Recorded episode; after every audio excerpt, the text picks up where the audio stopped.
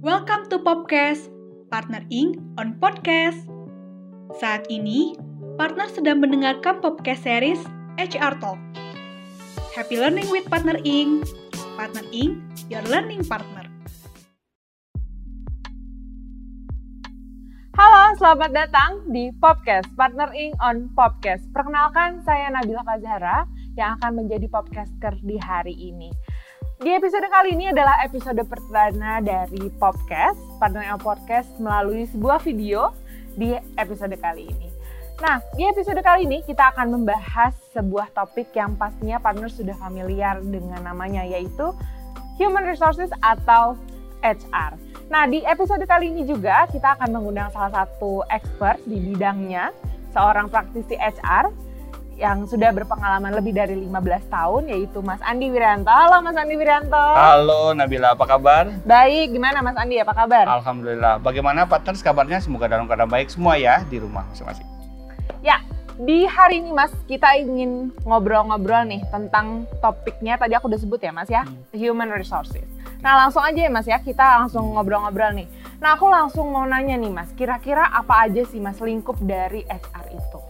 Oke, secara sederhana lingkup HR itu mengelola sumber daya manusia mulai dari si karyawan itu masuk sampai dengan karyawan itu keluar. Tentu saja dalam mengelola pastinya perlu dilakukan pemetaan dulu organisasinya Hmm, seperti apa hmm, bentuknya hmm, gitu ya betul, disesuaikan dengan bisnis masing-masing dari si organisasi tersebut. Hmm. Jadi prosesnya juga cukup panjang ya Mas ya, dari Cukup awal masuk sampai karyawan juga keluar ya, Ya, gitu. betul. Nah, itu secara umumnya. Nah, Hmm. kalau secara detailnya mungkin kita bisa bagi-bagi nih fungsi-fungsi HR dari mulai proses rekrutmen Hmm. atau sekarang mungkin disebutnya talent acquisition.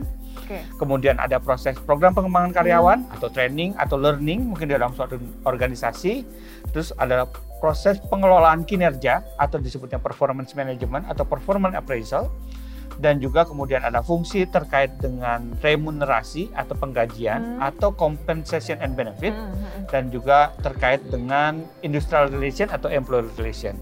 Dan tentu Oke. saja ada fungsi yang dari dulu memang sudah ada Hmm. dari fungsi HR adalah terkait dengan personal administration.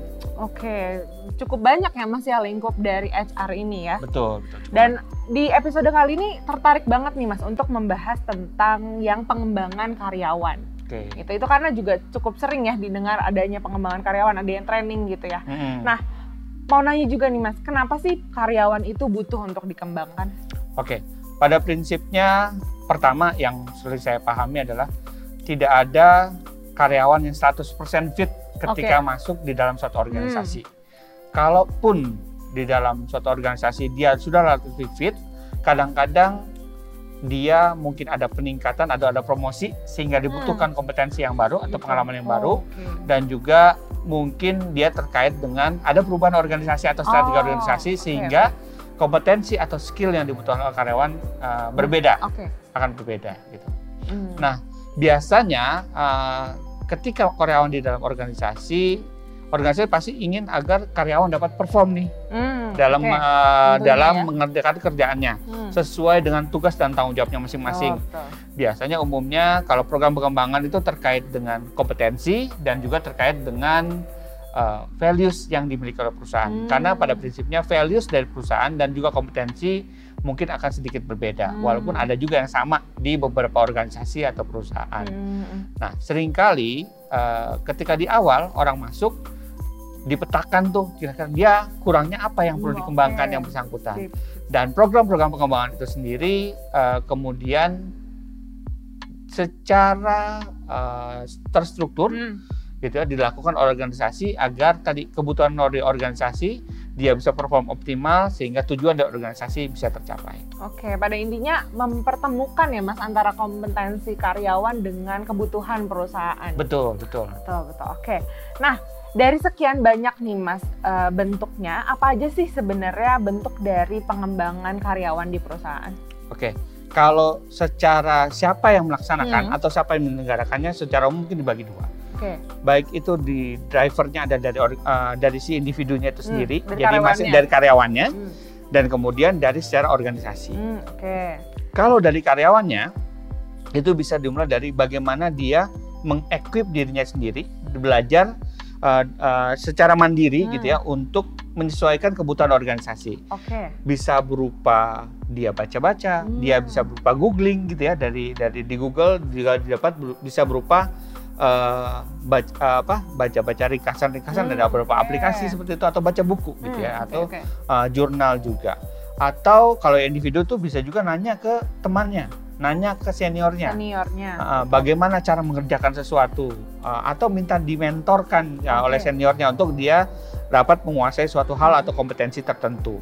Nah, itu yang kadang-kadang dilakukan oleh uh, para karyawan biasanya secara pribadi. Nah, secara organisasi umumnya organisasi punya uh, target-target Hmm, Oke. uh, atau key behavior biasanya yang ingin dicapai oleh suatu karyawan Hmm. gitu ya.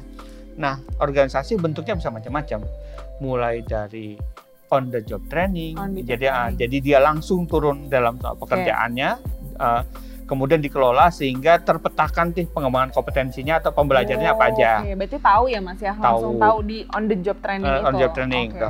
Ada juga dikirim ke training atau learning Oh, proses gitu ya. oke. Umumnya kalau training ada dua macam. Secara internal dilakukan oleh perusahaan, Hmm. biasanya yang spesifik terkait dengan values biasanya. Value. Uh, kalau kompetensi sendiri, kalau teknikal biasanya juga dilakukan uh, dikirim keluar atau dilakukan secara internal di perusahaan juga. Oke, berarti ada dua nih Mas ya, ada dua jenis. Ada yang memang berangkat dari diri sendiri. Mm-mm. Karyawan ini butuh apa nih? Hmm. Butuh pengembangan apa untuk Hmm. diri sendiri? Ada Hmm. juga yang memang dari perusahaan Hmm. gitu ya, mewajibkan para karyawannya untuk meningkatkan kompetensi itu. Betul. Wah, menarik sekali ya tentang pengembangan karyawan ini. Hmm.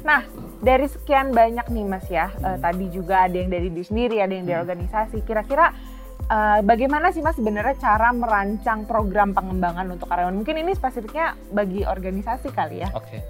Biasanya organisasi merancang pengembangan perusahaan ada beberapa dasar. Oke. gitu ya. Ada beberapa kebutuhan. Biasanya uh, diidentifikasikan kebutuhannya di apa? Dari kompetensi kah? Hmm. dari uh, kebutuhan terkait dengan uh, pekerjaan atau proyek tertentu Hmm. gitu ya penguasaan terhadap teknikal tertentu biasanya di- dipetakan dulu nih butuhnya apa Oke. dan sampai se dalam apa ya seperti apa pemahaman atau kebutuhan dari kompetensi atau Hmm. uh, pengetahuan yang dimiliki oleh si karyawannya nah itu Oke. yang bisa dilakukan uh, di awalnya oleh perusahaan dari situ perusahaan biasanya kemudian bisa merancang Hmm. uh, program pengembangan dan kemudian selanjutnya dari perancangan itu bisa saja dilakukan uh, dalam ada uh, bisa saja kemudian perusahaan memilih nih Hmm. Kira-kira mau dilakukan dalam bentuk on the job training, dilakukan dalam bentuk training internal, dilakukan dalam public training itu bisa nanti bisa saja nanti dipilih. Nah itu nanti dari situ tentukan bagaimana objektif dari masing-masing pelatihan atau Hmm. itu bagi si karyawan. Hmm, oke. Ada yang sifatnya memang benar-benar refleks individual, tapi biasanya karena perusahaan konteksnya dan juga nggak satu-satu Hmm, dikelola, betul. biasanya eh, diambil semacam kesimpulan umum kira-kira untuk level tertentu butuhnya apa sih gitu Oke. ya. Nah biasanya yang kami lakukan kalau di eh, partnering gitu ya di tempat kami, biasanya ketika kita bertemu dengan karyawan, apa bertemu dengan perusahaan, kita identifikasi kebutuhannya apa Oke. sampai sedalam apa yang uh, perlu dilakukan oleh mereka. Kami biasanya membantu merancangkan program, hanya merancangkan programnya saja sampai kita delivery dari program itu sendiri. Hmm, oke. Hmm. Berarti memang berangkatnya itu dari identifikasi dulu ya Mas ya. Kebutuhannya apa nih Betul, gitu betul. untuk karyawan, kompetensi apa yang perlu mereka eh, kembangkan gitu Betul, ya betul, perusahaan. Oke. Nah, kalau dengar-dengar juga nih Mas kan pengembangan itu nggak cuma sekali ya Mas ya. Betul. Kenapa sih pada akhirnya pengembangan itu harus terus dilakukan? Oke, pada prinsipnya organisasi terus berubah. Hmm. Kondisi sederhananya kayak sekarang misalnya kondisi COVID nih misalnya saat Pandemi ini. ya. Pandemi ya, pandemi kayak ini.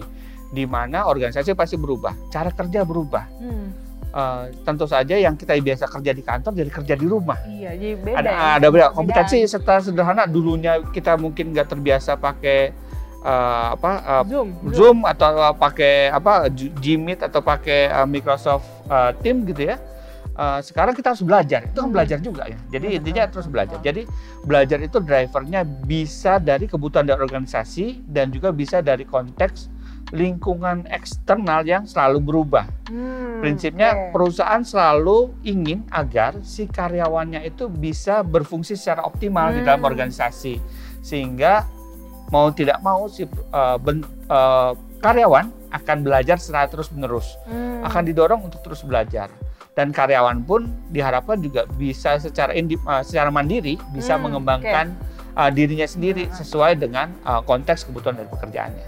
Oke oke. Menarik banget ya partners. Jadi tentang pengembangan ini bahwa ternyata memang nggak cuma sekali nggak cuma dua kali training ya mas ya. Hmm. memang berkali-kali karena juga bisnis di perusahaan pun dinamis ya mas. Pasti hanya ada perubahan. Kita nggak pernah nyangka juga akan ada covid ya mas ya. Jadi itu juga melatih kompetensi baru nih untuk kepada karyawan.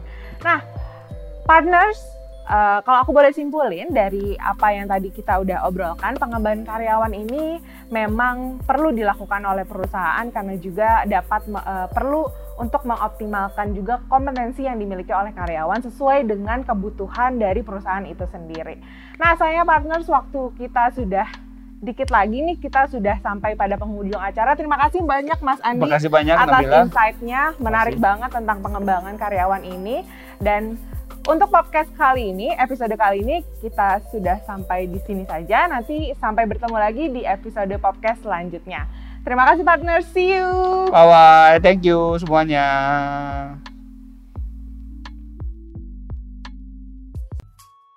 Terima kasih karena telah mendengarkan Partner Ing on Podcast kali ini.